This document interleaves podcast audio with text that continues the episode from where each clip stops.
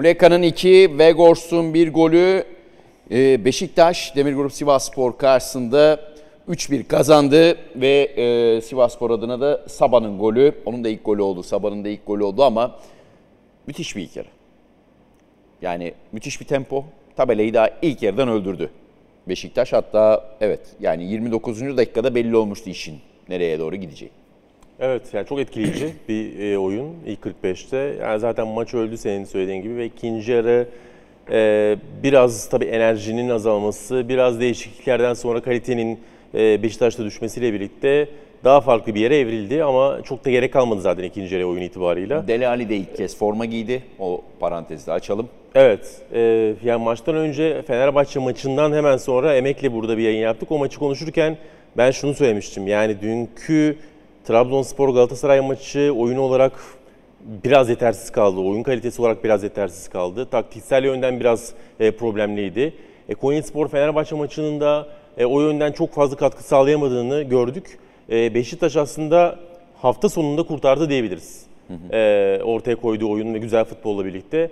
Yani e, en azından bir şampiyonluk adayından hakikaten e, erken form tutan ve iyi performans gösteren bir 90 dakika demeyelim ama bir 60 dakika gördük. E, bunun sezon başı itibariyle değerli olduğunu düşünüyorum ki Fener, e, Beşiktaş geçtiğimiz hafta Karagümrük maçı ile birlikte aslında bunu üst üste iki hafta yapıp e, desteklemeyi de başardı. Bu yönden bu gelişim biraz daha enteresan bir noktada duruyor. 4 maçta 3 galibiyet, bir beraberlik ki beraberlik aldığı maçta da 3-1 öndeydi Beşiktaş. İlk yarılarda evet. e, Kayseri Spor maçı hariç Alanya Spor, geçen hafta Karabük ve bu maçta Karagümrük ve bu maç e, 3 gol.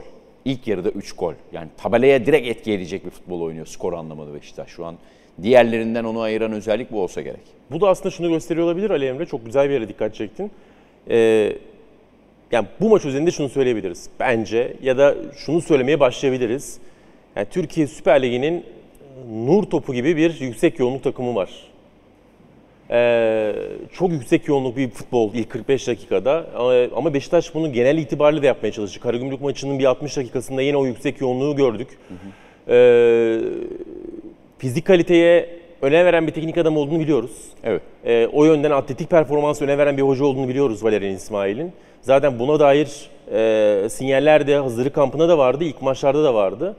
İlk yarılarda gelen goller biraz bununla alakalı olarak değerlendirilebilir. Yani Beşiktaş şu anda gerçekten ilk 45 dakikaları çok güçlü oynayabilecek bir fizik kaliteye ulaşmış durumda. Bunda tabii ki onların performansının yüksekliği kadar diğer takımların e, ki bizim ligimizin kanayan yerlerinden biridir bu bence. E, fizik kalitelerinin standartın biraz altında olması da etkili. Yani fark daha büyük e, olarak ortaya çıkıyor.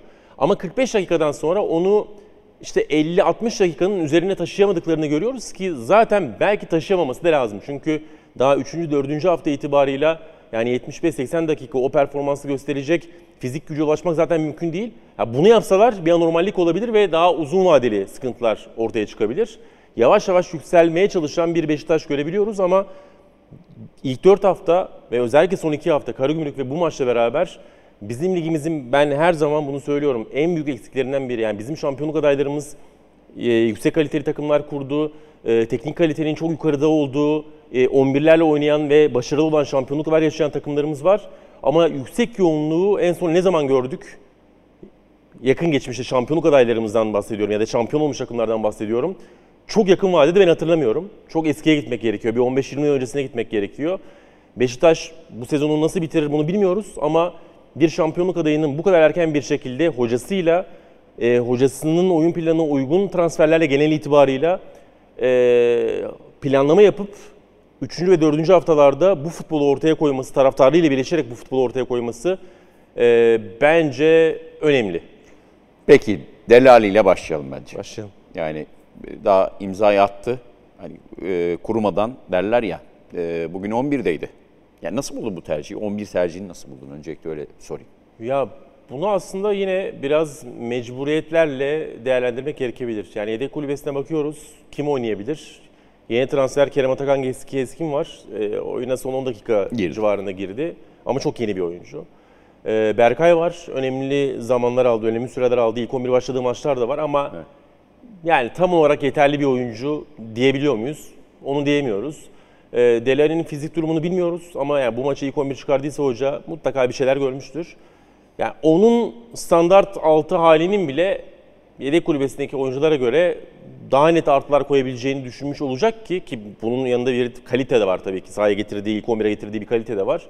E, bu tercihi yapmış gözüktü e, Valerian İsmail ve ya, tabii takım işini çok rahatlattı. Yani çünkü e, bu yüksek enerji, eforla birlikte Beşiktaş'ta hemen hemen her oyuncu kendi standartının üzerinde gözüktü. Genelde böyle olur zaten. Dolayısıyla Deli Ali de ilk başladığı maçta bunun artısını gördü.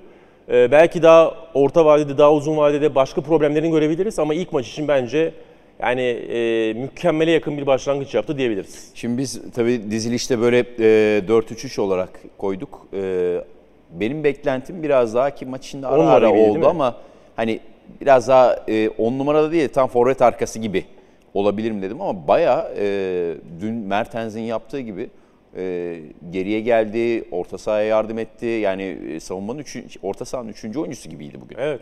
Zaten sezon başı yani dörtlü savunmaya döndükten sonra genellikle orta saha üçlü kuruyor. Evet. Ee, 4-2-3-1 değildi diyorsun değil mi? değildi. Üçlü bir orta sahaydı. Hatta yani Jetson'un daha çok sağ içte. Evet. Dele Alli de genellikle ekranda, e, taktik ekranda olduğu gibi sol içte, yani sol alanı, sol merkezi kullanırken e, gördük. Ya bunda çok farklı nedenler olabilir. Yani Josef'in yokluğunda ikili orta saha yapmak için güvenmiyor olabilir mesela Salih ve Jetson ikilisine. Çünkü ikili orta saha oynamak biraz daha zordur. E, daha farklı şeyler ister. Üçlü orta saha oynamak biraz daha zordur. Salih'in bence üçlü orta sahada savunma yönü 6 numaradaki rolü itibariyle de bazı soru işaretleri var ama Beşiktaş bugünkü yoğunluğuyla yani o kadar erken sindirdi ki Sivas Spor'u. Salih'in orada ortaya çıkarabileceği savunma defektlerinden hiç yararlanamadı Sivas Spor. İzin dahi vermedi. Oraya bakış atmasına bile izin vermedi daha doğrusu Sivas Spor'un. Ee, muhtemelen Josef'in yokluğunda orayı ikili değil de üçlü biraz daha garanti bir şekilde kurmak istiyor ee, Valerian İsmail. Ama Dele Alli'den performans alacaksa, fizik kalitesini zaman içerisinde takımla beraber biraz daha yükseltecekse e, ilerleyen dönemde, orta vadede ve uzun vadede e, onu 10 numarada işte 4-2-3-1 gibi dizilen, senin belirttiğin gibi forvet arkası gibi konumlanan bir rolde ya da pozisyonda da bence e, zaman zaman göreceğiz. Ara ara sağ kanada belki e, atabilirler maç içerisinde veya başlangıç itibariyle. Ya kadronun şekli ama Gezal da yoktu bugün. Yine. Tabii. Ama Gezal'ın yokluğunda Muleka. iki gol. Yani e, biri de mesela ilk Kayseri Spor maçında şu yorumu yapmıştık.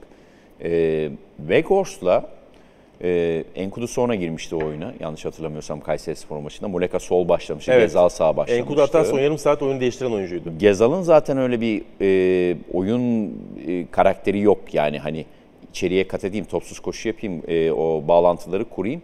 Ama Muleka bugün ilk gol zaten e, nefis bir asist Vegors. Enkudu ve Muleka'nın da Vegors'la bağlantıları çok iyi kurduğunu ve kurabildiğini artık görüyoruz. Yani iki maçtır, üç maçtır zaten Beşiktaş e, Vegors'tan ve bağlantılardan çok iyi faydalanıyor. Kesinlikle öyle. Vegors'un zaten yani alameti farikası demeyeyim ama alameti farikalarından biri olarak değerlendirebilir bağlantı oyunu. Ee, bunu kariyeri boyunca son derece yaptı. Yani mesela topu alıp dönüp pasta atar ama onun yaptığı bağlantılar aslında bugün işte asiste yaptığı gibi ve maçın içerisinde gösterdiği gibi daha çok tek dokunuşla. Yani topu verirsiniz Vegors'ta tek bir dokunuşla bir şekilde bağlantıyı kurar. Hatta attığı golde de top geliyor, bağlantıyı kuruyor tek dokunuşla sağa açıyor, doğru. koşuya devam ediyor. Sonrasında ortaya kafayı vurup golü atıyor. Mesela kendi attığı golde bağlantıyı kurması da çok çok değerli. Yani bir santrfordan daha fazlasını bekleyemezsiniz bir hücumda. Orada bir de nefis bir e, önce Caner Osman Paşa'nın arkasına doğru koşu yapıyor. Sonra hemen önüne Değişiyor. geçiyor. Hemen önüne geçiyor. Orada bir zaten Caner Osman Paşa dengeyi kaybetti. Bomboş kafayı vurdu. Ve yani Caner Osman Paşa da zaten oyunda çok fazla kalamadı ondan Kalamadı sonra. ondan sonra O değişti. da faktör. Tabii. Ki yani Vegors'un bağlantılarıyla Muleka'nın iki golü, Enkudu'nun yine Karagümrük maçı kadar olmasa da e, sol kenarı sürekli aşındıran performansı, atletik performansı Delali'nin ilk 11'e yerleşmesinde biraz bu da faktör olmuş olabilir. Yani mesela bugün Raşit Gezel olsa sağ önde Delali'yi merkezde bu kadar erken bir şekilde düşünmeyebilirdi Valerian İsmail. Fakat yani Vegors 9 numara zaten. Hakiki bir santrfor. Net. Enkudu bir driplingçi ama büyük bir yaratıcı güç değil. Büyük bir pas kalitesi değil. Muleka zaten santrfor karakterli bir kenar oyuncusu. Yani ön tarafta yaratıcılık yok e, Beşiktaş'ta. Orta sahada Salih savunma önünde. Evet oyun kurucu ama bir tane de işte yani Enkudu'nun hızını kullanacak. Enkudu'ya topu ulaştıracak. E, Vegors'la bağlantıları kuracak. Yani Vegors'un bağlantıları yapmasını sağlayacak, pasları gönderecek bir oyuncuya ihtiyaç var. Jetson'la beraber Delali'nin yaratıcılığının ve daha doğrusu pas kalitesinin o topları oraya geçirebilecek bir oyuncu olmasının da e, bugünkü ön tarafla beraber ilk 11'e erken yerleşmesinde etkili olabileceğini düşünüyorum ben. Ee, yani Muleka şimdi geçen maçta da gol attı bu arada. Karagümrük maçında da gol attı. Burada da iki gol. Ee, kendine geldi yani. Evet ve yani 4-2-3-1 ya da 4-3-3 yani daha doğrusu dörtlü savunmanın kenarı için Kanat için. kafalarda biraz soru işareti oluşturmuştu bence. Çünkü Özellikle sol açığı sanki yadırgadı. evet ya bugün sağ ayakla yani çizgide orijinal ayağıyla oynaması faktör olmuş mudur bilmiyorum. Ee, ama bu maç Muleka'nın bu rolde de gelişim gösterebileceğine dair bir işaret olabilir. Çünkü üçlü savunma yaptığı zaman sezon başında hazırlık kampında özellikle e, Valerian İsmail 3-4-3 gibi değil de daha çok 3-5-2 gibi kurguladı yapıyı. 10 numara gibi konumlandırdı Gezzeli. Vegors ve Vegors'un yanında ikinci forvet gibi davranan bir Muleka. Yani aslında santrfor gibi, forvet gibi bir roldeydi orada. Ee, ondan sonra dörtlü savunmaya döndükten sonra çok daha çizgiye giden, gitmek zorunda kalan bir Muleka gördük. Yani 4-2-3-1'de de 4-3-3'te de biraz daha çizgiye yakın oynuyorsunuz ve buna kısa vadede hiç reaksiyon veremediğini gördük oyuncunun ama her oyuncunun adapte olmak için biraz zamana ihtiyacı var. Ee, bu maçla beraber Muleka'nın da o yönden gelişimler gösterebileceğine e, bence kanıt attığı goller Attığı- ve performans. Attığı ilk gol ama bir e, adeta ikinci santrafor gibi forvet arkası Tabii. koşu. Çok fazla zaten Vegors'un yanında konumlandı. Konumlandı. e, oyuncu. Rozier çünkü kapatabildiği için 100 metreyi Evet. tek başına. Aynen öyle yani. Zaten işte yani sağ öndeki ya da sol öndeki oyuncuların içeride konumlanması için gerek santrfor yanı gerek santrforun biraz arkasındaki iç kanallarda konumlanması için mutlaka arkadaki bekin dıştaki çizgiyi kullanabiliyor olması lazım. E, Rozier bugün sağdan oyunu genişleten oyuncuydu. Bazen ilk yarıda ilk yarım saatte Muleka'yı da çizgide gördük. Çizgide konumlanıp içeriye şiddetli koşularla e, giriş yapma çabası içerisinde gördük. Ama genellikle Rozier oyunu asıl genişleten sağ kenar oyuncusuydu bugün. Ya şimdi tekrar orta saha konusuna dönmek istiyorum. Aslında bugün e, tamam Dellali o iç tarafta gözüktü gibi senin de az önce söylediğin fiziksel durumu tam olarak e, hani önümüzdeki dönemde e, ne kadar sürede yükselecek, edecek. Şimdi bugün seyirci önündesiniz. Çok tempolu başlayan, yoğun başlayan, çok üzerinize iş düşmeyen ki ilk yarıda hiç iş düşmedi belki de. Tabii. Yani pozisyonların çoğunda yoktu Delali. Ama 2-8 numarayla oynamak da aslında Beşiktaş'ı e, oyun kurma anlamında biraz daha rahatlattı diyebilir miyiz? Çünkü Delali'nin varlığı aslında orada Sivasspor'un e, savunma anlamında odaklanmasını sağladı. E, o yüzden bir çapaya gerek kalmadı orada yani. Kalmadı. Salih biraz altıya evrildi diyorsun da. Evet yani tutuculuğa gerek kalmadı ya da aslında şöyle gösterebiliriz. Yani bu üçlü çeşitli yönlerden birbirini çok iyi tamamlayan bir üçlü. Yani şu anlamda Salih savunma yönde pas kalitesi yani derindeki oyun kurucu işte Sayıs'tan ilk topu alan, Necip'ten ilk topu alıp yüzünü kaleye dönüp işte o topu Deli Ali'ye, Jetson'a hatta daha ön aktaracak oyuncu. Burada bir 6 numarada pas kalitesi var. Jetson 8 numaralardan biri atletik performans, koşu, dribbling, mesafede oynayabilme yani direkt bir şekilde ileri geri yani kendi savunmasıyla forvet hattı arasındaki bu mesafeyi sürekli alabilecek bir oyuncu Jetson. Mesafede oynayabiliyor. Delali de yaratıcılık. Yani burada Salih'in olduğu 6 numara düzeninde de Josef'in olduğu 6 numara düzeninde de aslında bu üçlüler birbirini o yönden iyi tamamlayan üçlüler diyebiliriz. Bu bir şans Beşiktaş için. Ee, ama ya bugün gerçekten e, Sivas Spor'un tabii sezona iyi başlayamaması bunda faktör müdür bilmiyorum ama genel itibariyle genel takım yoğunluğu o kadar yüksekti ki aslında bu bölgede bu maç üzerinde bir zayıflık da var e, Beşiktaş'ta. Yani Deli Ali fizik kalite olarak biraz zayıf bir oyuncu. Yani bunu yakın çekimlerde Deli Ali'yi gören izleyicilerimiz ya da Beşiktaş taraftarları da fark etmiştir. Bacaklar biraz ince mesela. Yani Premier Lig'de de sıkıntı yaşamasındaki faktörlerden biri buydu ki bizim ligimizde de zaman zaman bu sorunlar getirebilir. Salih de biraz öyle bir oyuncu. Yani aslında bu iki oyuncunun hatta şu işaretleyeyim ben. Yani Deli Ali de Salih de fizik kalite olarak çok yüksek olan oyuncular değil. Dolayısıyla böyle bir üçlü orta sahada eee, o yüksek yoğunluğu ortaya çıkarmak çok kolay olmayabilirdi. Ama ön taraf o kadar iyi baskı yaptı ki yani Vegor sürekli rakibi rahatsız etti. Enkudu, Muleka, Jetson zaten bu işi yapabilen bir oyuncu. Masuaka'nın soldan getirdiği atletizm var. Rozier sağdan getiriyor. Arka taraf zaten sağlam. Yani Beşiktaş bu oyuncuları çok rahat bir şekilde taşıma şansını elde etti. Ve erken bir şekilde de Sivas Spor'u örseledikleri için, erken bir şekilde sersemlettikleri için e, sonrasında arka arkaya goller de gelince iş çok rahat bir hale geldi. Ama e, burası bu üçüyle zaman zaman ba- başka takımlara karşı sorunlar, yaşıyor. sıkıntı çıkarabilir. O yüzden zaten Josef bu takımın ana parçası. Ama Josef'le beraber de şöyle bir sıkıntı ortaya çıkacak Ali Emre. Şimdi Josef kimin yerine girecek? Normalde Josef buraya. 6 numaraya gelmesi gereken bir oyuncu. 3 Türk. 3 Türk. Yani bu takımın Josef, Dele Ali, Jetson orta sahasını kurabilmesi için mutlaka ya ön taraftaki ya da arka taraftaki yabancılardan birini Türkleştirmesi gerekiyor. E, bu da Masuaku, Umut Meraş sanki opsiyonlardan biri. Daha Belki akla şey- gelen ilk opsiyon. uygun gibi. Çünkü sayısı buradan çıkaramazsınız. Emrecan kolay bir Necip'in şey değil Necip varken. Yok.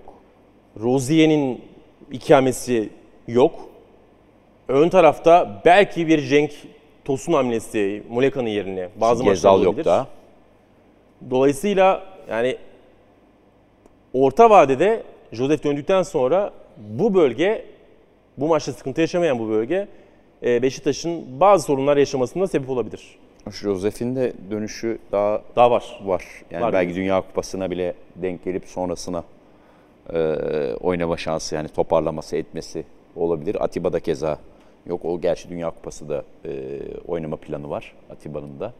Yani e, özellikle e, geçiş kısmında daha sizi zorlayabilecek rakipler karşısında geçiş konusunda Salih Jetson ikilisi biraz daha e, problem yaşayabilir. İşte orada üçüncü bir aslında e, oyun profilinde e, savunmaya da yardımcı olabilecek, hep yardımcı olabilecek Tabii. bir oyuncuya ihtiyaç var aslında. Yani ben mesela en son bu tarz 2-8 numara dendiğinde hep Selçuk Kolman'ı hatırlarım e, Şenol Güneş'in 2011 Trabzon'unda. Ama orada mesela Engin Baytar yardım ederdi. E, mesela hani e, ekstra oyuncular çıkıyordu ama burada o rolde e, hoş Delali'nin ben e, belli bir süreye kadar da yani şeyi söyleyebiliyorsunuz. Bir Premier Lig temposunu görmüş diyebiliyorsunuz. Yani e, mesela bu hafta birkaç maçta şu dikkatimi çekti. Bazı ön hat oyuncularında işte Trabzon Galatasaray maçında olsun, e, diğer birkaç maçta olsun. E, savunmaya dönerken bazı oyuncular mesela yürüyor veya e, hani çok uzaktaysa mesela bekliyor. Delali'de yine bir jog temposu var yine de. En pasif noktada bile. Yani hemen patlayıcı kuvveti hazır şekilde bekliyor.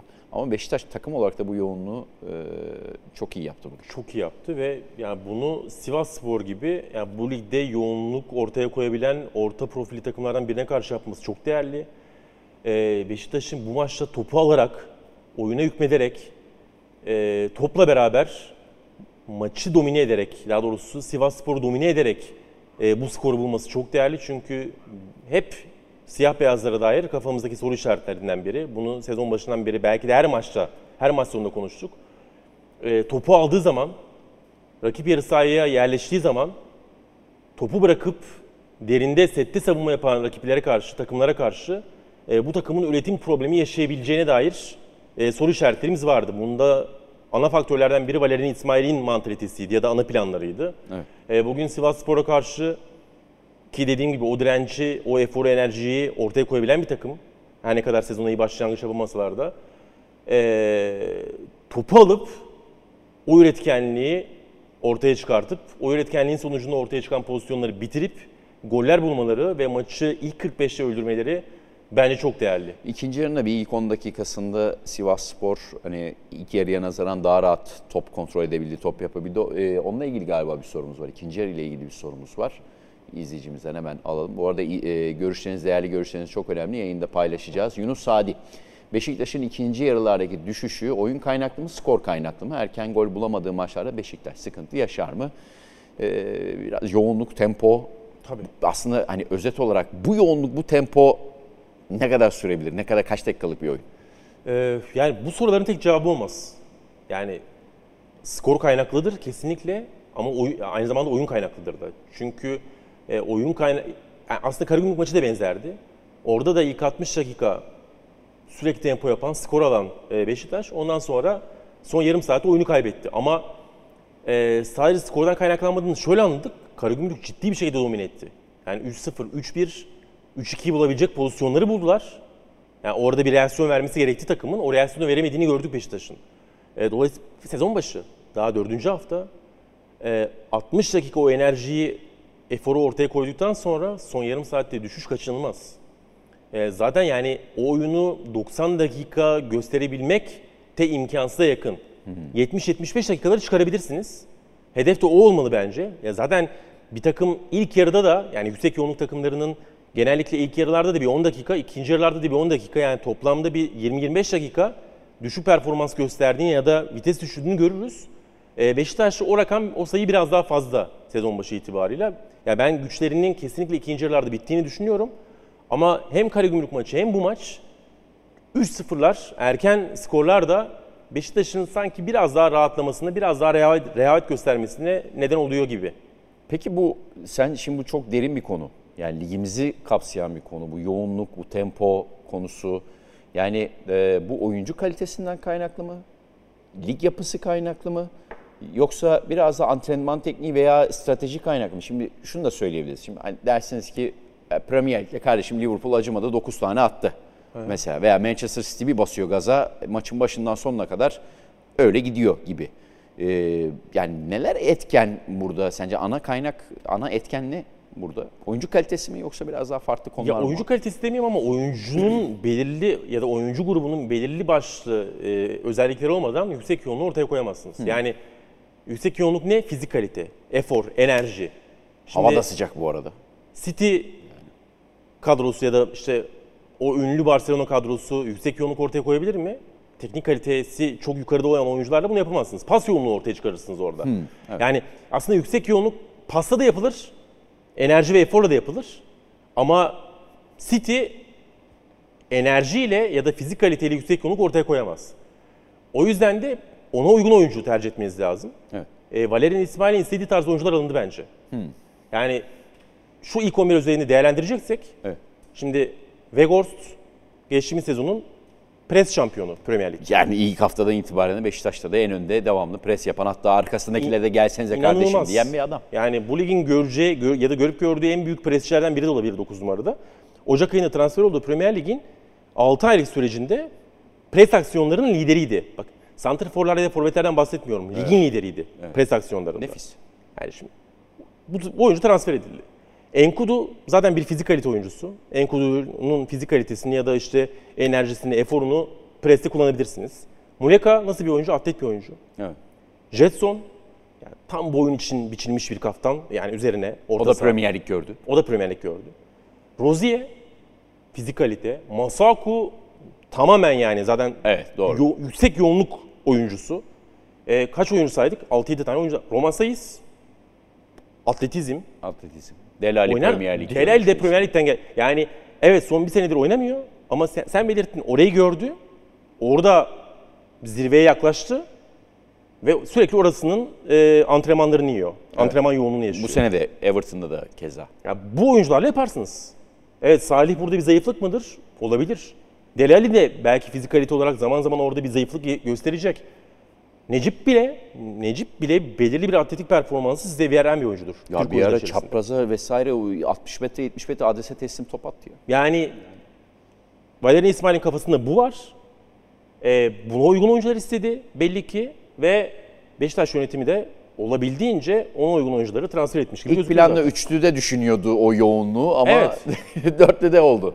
Hiç fark etmez. Önemli olan sahada 11 oyuncu içerisinde 7-8 oyuncudan bu atletik performansı ya da bu e, fizik kaliteyi alabiliyorsanız her dizilişte, her yapıda e, o oyunu ortaya çıkarabilirsiniz. Ama şuna da hazır olman olmanız gerekiyor diyorsun. Benzin'in maç içinde e, Beşiktaş özelinde bu yoğunluk, yüksek yoğunluk devam ettiği sürece her an benzinde bitebilir ve net bir şekilde, gözle görülür bir şekilde görülebilir diyorsun net. Aynen öyle. O yüzden o ilk yarılar yani Orada gücün, öldürdü, öldürdü tabelayı. Yüksek olduğu yerde illa 3-0 olması Ki gerekmiyor. Alanya Spor maçı da 3 3 farklı öne geçti ilk yarıda. 1-0 da yetebilir. Yani 1-0 bulursunuz orada. ikinci yarıda enerji bittikten sonra derine gidersiniz. Kontraya çıkarsınız. Enkudunuz var, Muleka'nız var. Vegors o e, uzun toplarda belki bazen uzun topa mecbur kalırsınız. O topları tutup servis yapabilen bir oyuncu. Yedek kulübesinde farklı opsiyonlarınız var. E, Jetson gibi bir oyuncu merkezden koşu atabilir. Öne geçmek, skoru bulmak önemli. E, ya da skoru kaybetmemek önemli. E, Beşiktaş ilk haftalarda e, ilk bir ay itibariyle bunu genellikle yaptı diyebiliyoruz. Peki Gezal döndüğünde nasıl bir tablo ortaya çıkar? Joseph döndüğünde hadi daha var, daha çok süre var ama Gezal'ın o kadar zannetmiyorum uzun süre kalacağını ve hani açıkçası e, ilk haftada da bahsettik. Bu takımda birbirini en iyi tanıyan hani o e, konsol oyunundaki gibi bir uyumluluk e, yeşil kırmızı şeklinde Rozier Gezal. Ama Aynen. şu anki tabloda yani e, Gezal da biraz beklese olur gibi gözüküyor yani bu yoğunlukta. Ya en azından e, onsuz da çok iyilerden biri Beşiktaş var. Yani Gezdal olursa ne olur? Ya, tabii ki yani şimdi bu kadroda kimin yerine girer gibi gözüküyor ilk aşamada Gezdal. Delali belki girerse olur mu ama çift santrafor, Muleka'yı santrafora çekmeniz gerekiyor. Evet, yani 4-2-4'e dönersiniz o zaman o riskli. yapıyı değiştirmek istemeyecektir. Evet. Şu anda giden bir üçlü orta saha var. Muleka üçlü daha şey var. Muleka gibi gözüküyor. E şimdi yani Muleka çıkıp Raşit Gezdal buraya giriyorsa e, ilk neyi kaybediyorsunuz? Skoru kaybediyorsunuz. Yani Muleka golcü bir oyuncu. Evet. Yani bunu da fena göstermiyor. Yani Vegors'un arkasına koşu yapacak oyuncuyu kaybediyorsun. Evet. Dolayısıyla şimdi Muleka'dan Gezal'e düşüyorsanız burada bir, Gezal'den biraz skor katkısı almanız lazım ki bunu yapabilen bir oyuncu olduğunu gösterdi. Muleka'dan Gezal'e düşünce ne düşüyor? Yani skor düşüyor ama yaratıcılık artıyor. O zaman buradan kaybettiğiniz skoru farklı yerlerden bulmanız gerekir. Evet.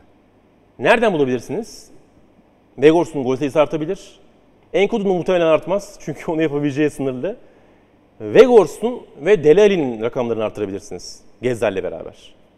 Ee, Beşiktaş'ın bunu yapması gerekir ya da gerekecektir. Yani farklı ikililerle farklı oyunları oynuyorsunuz. Ee, ya da işte bazı maçlarda yani Enkudu da yedek kulübesine gelecek bazı maçlarda. Sağda Gezzal olacak. İşte Muleka çok verim vere- vermedi dediğimiz sol kenara gelecek. Mesela Gezzal Muleka ikilisi Vegors'un arkasında biraz daha mantıklı bir ikili gibi gözüküyor. Çünkü bir hazırlayıcı bir bitirici var. Ama Gezzal buraya geldiği zaman bir hazırlayıcı Bir bir hazırlayıcı hazırlayıcı daha. daha. O zaman burası çok Arkada Delali'yi o zaman o zaman, o zaman çekeceksin. burasının yani 10 numara karakterinin ve Santrfor'un daha fazla skor yapması lazım. Evet. Yapı içerisinde, şablon içerisinde de zaten Valerian İsmail de muhtemelen öyle ikililerle burası değiştiği zaman, Gezer girdiği zaman buralara Vegors'un rakamlarını, Delali'nin rakamını hatta Jesus'un artabilecek gol sayısını yukarı çıkarmak için elinden gelen e, ince ayarları yapmaya çalışacaktır. Öyle bir durumda iki hazırlayıcı kanat olursa bir de Delali'yi Vegors'un arkasına çekersen o zaman Salih Jetson daha da sıkıntı. O zaman bir çapa gerekir yani bir altı net altı gerekir. Joseph de o zaman devreye girmesi gerekir ama Evet. şöyle sorayım. Şimdi Jesus için e, şunu söylüyorum ben yani kendi kanaatim. Bir diziliş obsesifliği olmadığını düşünüyorum Jesus'un. Yani e, maç içinde işte Lincoln'u mesela sol bek gibi gösteriyor ama başka bir rol veriyor. Lincoln oradan da yönetiyor oyunu. Bugün de so- sol beke geçmek durumunda kaldı vesaire. Veya üçlü, dörtlü maç içinde bambaşka değişken böyle gösteren karışık bir yapı ortaya koyabiliyor.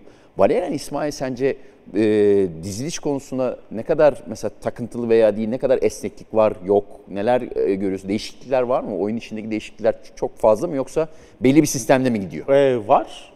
Hatta yani şöyle açıklayayım e, ya da açıklamaya çalışayım. Yani Yani Arao'da gidiyor ya mesela iki stoperin arasına vesaire. Aslında Beşiktaş'ta topun biraz üçlüye dönüyor. Hatta bunun getirdiği bir artı bir de uzun vadeli e, eksi ihtimali de var. Ondan da bahsedelim. Bahsedelim. Yani çünkü sadece olumlu yönleri öne çıkarmak çok doğru olmayabilir.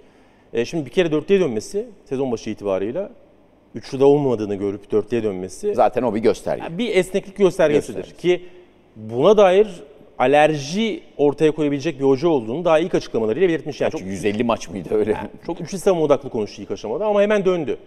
Ben hep söyledim, dörtlüye dönmesi baskıyla falan alakalı değildi bence. Memnuniyetsizlik alakalı değildi. Yani muhtemel bir Beşiktaş yönetiminden gelen sufleyle alakalı değildi bence. Tamamen eldeki oyuncu grubuyla alakalıydı. Kendi verim almak istediği şekle soktu. Yani üçlü savunma olması için elinde 4-5 tane çok kaliteli oyun oynayabilecek, üçlü savunma oynayabilecek stoper ihtiyacı var. Sorun baştan zaten çürüdü pardon özür Yani dilerim. zaten Ro- Roman Sayıs ve Necip'le oynuyor dörtlü savunmayı şu anda. Yani böyle bir ortamda nasıl üçlü oynayabilir Beşiktaş? Oynayamazdı, oynayamayacağını gördü. Ee, dolayısıyla dörtlüye dönüşü bir esneklik belirtisi. Ama ne yapıyor? Yani mesela bugün ne yaptı? Muleka evet ilk yarım saat çizgide dedim ama ben mesela şuraya geleyim. Daha çok içeri girdi. Sen de söyledin. Yani sürekli Evet. Vegors'un yanındaydı. Gol zaten öyle geldi. Evet. Rozier oyunu genişletti. Çizgide. Ama mesela şurayı da silelim. Tamam. E, Masuaku çizgiden genişletmedi oyunu. Neden genişletmedi? Çünkü Enkudu Enkudu çizgiye zaten. basıyor zaten. E, Masuaka biraz daha iç koridorda bekledi. Ben bunu geçen program, geçen haftaki programda da söylediğimi hatırlıyorum Karagümrük maçında. Çok iyi anlaşmıştı bu iki oyuncu. Ama Karagümrük çok fazla alan verdi o çizgide. Dolayısıyla iki oyuncu da o koridoru kullanma şansını elde etti. Ama biraz daha bekleyen takımlara karşı bu iki oyuncunun çakışmama ihtimali çok düşük. Çünkü ikisi de çizgiyi kullanmak istiyor. Yani Enkudu buralarda başarılı mı? Değil. Bence hiç de ben değil. içeride konumlandığında Hatırlamıyorum. etki yarattığını görmedim. Dolayısıyla çizgi istiyor. E o zaman Masuaku'nun burada çıkma şansı yok. Ne yaptı bugün Valerian İsmail? Masuaku'yu hep buralarda tuttu. Bazen içeride tuttu. Bazen buradaydı. Yani hep arkadaydı ve gidemedi. Önünde çünkü hep bir engel vardı. E, uzun vadede yani eğer sol ön Enkudu olacaksa sol arka Masuaku e, çok işler bir yapı getirmez bence sol kanat için birbirlerini kesen oyuncular olduğunu düşünüyorum ben. Eğer yani Masuaku'nun bu temposunu kullanmak istiyorsanız o zaman burayı içeri konulacaksınız. Yani mesela Muleka'nın burada olması daha mantıklı olabilir ama Enkudu sağda da olmayacak çünkü o zaman Rozier ile şey yapacak. E, yine O çarpışacak. zaman Gezal mantıklı. Başka bir oyuncu. Yani Enkudu sol bekte, sağ bekte çıkan oyuncular olduğu için çizgiye yapışan rolüyle e, bu bekleri çok uyumlu gözükmüyor. Ama öyle bir güç ki idare de edebiliyorsunuz. Yani Masuaku bu maçta burada idare etti. Enkudu Karagümrük maçı kadar etkili değildi ama yani hep bir şekilde orada tehdit olmayı başardı. Ama ben bu iki oyuncuyu sol çizgi için profilleri ve rolleri itibariyle çok uyumlu görmüyorum. Anladım. Ya bir de Vegors'un öyle bir e, şeyi var ki, e, karakteri var ki, e, kaç kere yani geriye gelip top çıkardı, savunmaya yardımcı oldu, presi ta geriye kadar da sürdürdü. E, geriyi rahatlatması ayrı, ileride de mesela olası bir Muleka kaldı ileride diyelim. Vegors dön, e, geriye döndüyse, geriye geldiyse Muleka da santrafor olarak bekleyebiliyor orada. Öyle bir opsiyonu var yani. Beşiktaş'ın. Vegors'un e, biraz şeye Kesinlikle. benzetiyorum. Gomez, farklı bir Mario Gomez e, şeyi karakteri biraz da Elmander. Ee, çok doğru. Yani Muleka'nın sürekli buralara girdiği, sürekli yani Vegors şimdi bir stoperi işgal ediyor. Muleka'nın da ikinci stoperi işgal ettiği ortamda e, Beşiktaş eğer buralardan sürpriz koşular gelirse merkezden, Mesela Jetson, o evet kilit. Dele Ali ya da Enkudu soldan içeri doğru giriş.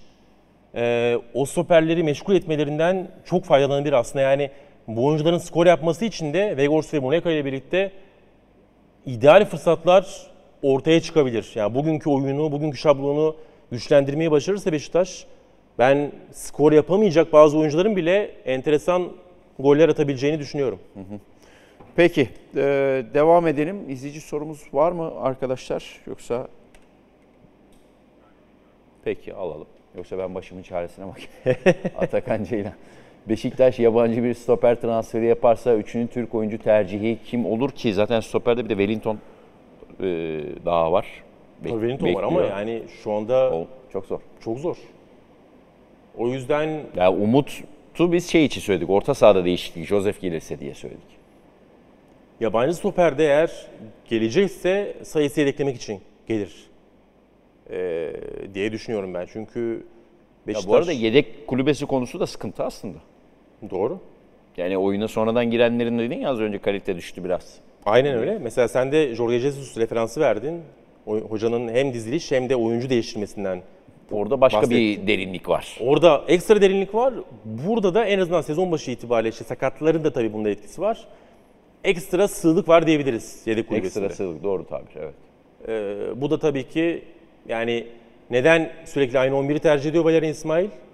Neden Jorge Jesus sürekli değişiklik yapıyor? E, Biraz kadronun getirdiği şeyler bunlar. Montero da var bu arada bak şimdi gözüme. Doğru, var. Yani hiç, hiç Montero mesela hiç planda yok. Ee, Yani üç Türk olayı tamam doğru. Ki ara ara Kartal'da e, Em- Emre oynadı. Ya bir de Montero'nun- Berkay da oynadı galiba. Onlar girdiğinde bile hani stoper yabancı yapayım. Dört Türk'le oynadığı oldu çünkü ilk üç hafta. Doğru Ee, ama Montero'nun bence şanssızlığı dörtlü savunmaya dönüş olabilir. Yani üçlünün sol stoperinde yanında sağında iki tane stoper varken e, onun ayağını sol ayağını kullanma şansı var Beşiktaş'ın ama dörtlüde onun Sağ savunmacılığı stoper zor. onun savunmacılığı biraz sorun olacaktır. Ki yani sayısıyla beraber oynama ihtimali de yok. Hem iki sol ayaklı oldukları için yok hem de zaten Türk sıkıntısı nedeniyle yok. Sayısın yediği de Montero olamaz gibi gözüküyor. Dörtlü savunma için diyorum. İki stoperli sistemden bahsediyorum. Peki Valerian İsmail'in demeçleri hazırmış. Üzerine konuşup ondan sonra yavaş yavaş noktalarız. Güçlü başlamak istemiştik. Beşiktaş maçlara böyle başlar. Çok güzel goller attık diyor Valerian İsmail.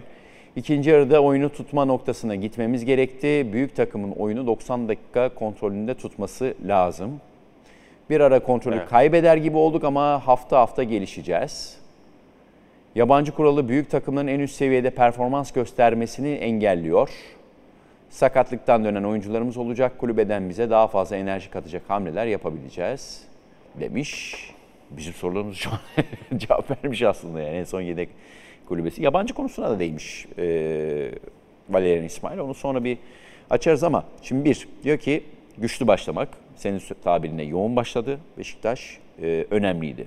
Kontrolde tutmak bir arada kontrolü kaybeder gibi olduk diyor. 90 dakika bir kere kontrol elimizde olmalı diyor Valerian İsmail. Yani ikinci yarıdaki düşüşün sadece skor odaklı olmadığını aslında kabul ediyor hoca. Ee, muhtemelen güçlerinin azaldığını, efor, enerjinin ilk yarıdaki kadar yoğun bir şekilde sahaya oyuncular tarafından yansıtılamadığını, muhtemelen yani kalitenin düşüşünden oyuncu değişiklikleriyle beraber hoca da farkındadır ama onu söylemek istemez bir teknik adam. Onun da etkisiyle beraber ikinci yarıda işlerin biraz kendilerinin dışında elden gittiğini anlatıyor muhtemelen. Ee, yani 3-1'den sonra Sivas'ın böyle yarım tehlikeler, çeyrek şanslar bulduğu bazı akınlarda gördük. Doğru. Çok zaman çok azalmış. Tabare'nin yani. bir 2-3 kafa vuruşu var kale önünden. Ama işte oralarda 89'da orada bir tane daha gol yesiniz 3-2 olsa İşte Adana Demirspor. Ondan sonra kriz. Fenerbahçe Adana Demirspor maçı gibi. ya da Alanya Spor maçı gibi Alanya Spor maçı. e, Beşiktaş'ın. E, Oralardan bir hocanın rahatsız olmaması zaten böyle maçlarda pek mümkün değil. Bir ara kontrolü kaybeder gibi olduk. Yabancı kuraldı bu arada. Söylüyor çok büyük engel diyor ama şu an zaten sezon ortasında değişecek bir iş değil o. Buna göre az şey olması lazım. Değil ama yani bir teknik adamın zaten Türkiye'deki mevcut kuraldan şikayet etmemesi mümkün değil. Ya olamaz böyle bir şey. Yani bu garabet. Yani çünkü bu kural diyor ki size 8 artı 3 ile başlayın. 3 Türk olsun. Türkleri sadece Türklerle değiştirin. Yabancıları da yabancılarla değiştirin. Böyle bir e, kadro planlaması yapılamaz ki. Bazen Türk çıkartıp yabancı almanız gerekiyor. E, yapamıyorsunuz onu. Yani bir Türk çıkarıp bir yabancı almak için bir yabancı çıkarıp bir Türk daha sokmanız gerekiyor. İstemediğiniz bir değişiklik Bu yapmanız sene bir de 4 Türk olacaktı. Erte, şey oldu, ertelendi. Onu bırak bir de 21 yaş altı e, oyuncu başlayacaktı ilk 11'de biliyorsun. Evet. O en garabetiydi zaten. Onun imkansızlığı o kadar belliydi ki başlayamadı yani mümkün değil zaten. Onun herhangi bir ligde yani 5 büyülüğü falan bırak. Hollanda'yı, Belçika'yı falan Kıta Avrupa'sının en, bile. en düşük seviyeli bile böyle bir şey olma ihtimali yok. Bir Romanya'da oldu işte. Orada da çok abuk sabuk şeyler çıktı ortaya zaten. Ya bunu çok geçmişte konuştuk, konuşuldu, yazıldı, çizildi zaten bunlar. Ya Uygulanabilirliği olmayan bir şeydi zaten o. Ama bence bunun da uygulanabilirliği çok düşük yani çok zorluyor hocaları. Sanki 11 yani yabancı hakkım olsun ben sahadaki 11'i yabancı ile kurabileyim gerekirse yedekte Türk olsun e, şey yaklaşımı daha fazla gibi yani o 14 de bilmiyorum ne kadar doğru. Hani böyle bir kural uyguluyorsanız 14 de fazla aslında. Ya bu dünyanın her Neresinden yerinde, tutarsan tut bu dünyanın her konuşulacak bir durum yerinde değil. belirli sayıda homegrown oyuncu, kaç kişilik e, kadronuz varsa 8 oyuncu, 12 oyuncu bunu istediğiniz sayıya çıkartın. Ama ilk 11'de böyle sınırlamalar koymayın. Dünyada yani Bundesliga da bunu yapmıyor, Premier Lig de bunu yapmıyor, 5 büyüğün hiçbiri yapmıyor. Diğer ligler de yapmıyor. Mental olarak biraz bizim galiba e, Türk oyuncuyu adapte edeceksek şey olmamız lazım, hazır olmamız lazım. Tabii. Yani kurallarla değil de ama kural koymuyorsak da hiç oynatmıyorlar ya. Yani böyle Ee, bir durum var. Kuralı bu şekilde koymayın diyorum ben. Kural kesin olsun. Bir kural yap ama bu değil diyorsun. Yani şimdi İngiltere'de ne var? 8 tane homegrown var. Bunların 4'ü e, kendi akademilerinden olmak zorunda, 4'ü yerli olmak zorunda. Genel kadroda. Genel kadroda. Evet. Siz 8 değil 12 yapın bunu. Ama ilk 11 sınırlamayın. Bir de akademi zorunluluğu da var doğru diyorsun. Evet. O mesela önemli. 6 akademi yapın. 6 tane akademi dışında yapın. Akademi 12 yapın toplamda. 14 yapın. ama bu teknik adamlar için gerçekten işi çok zorlaştırıyor. Ee, şeyi bozuyor yani planlamayı bozuyor. Maç içerisinde çok saçma değişiklikleri beraberinde düşünmelerini e, getiriyor. Buradan mantıklı bir şey çıkaramaz bir teknik adam. Bakalım bu sezon Mecbur, böyle mecburiyet zorluyor. geçecek. Son soru şöyle kapatalım.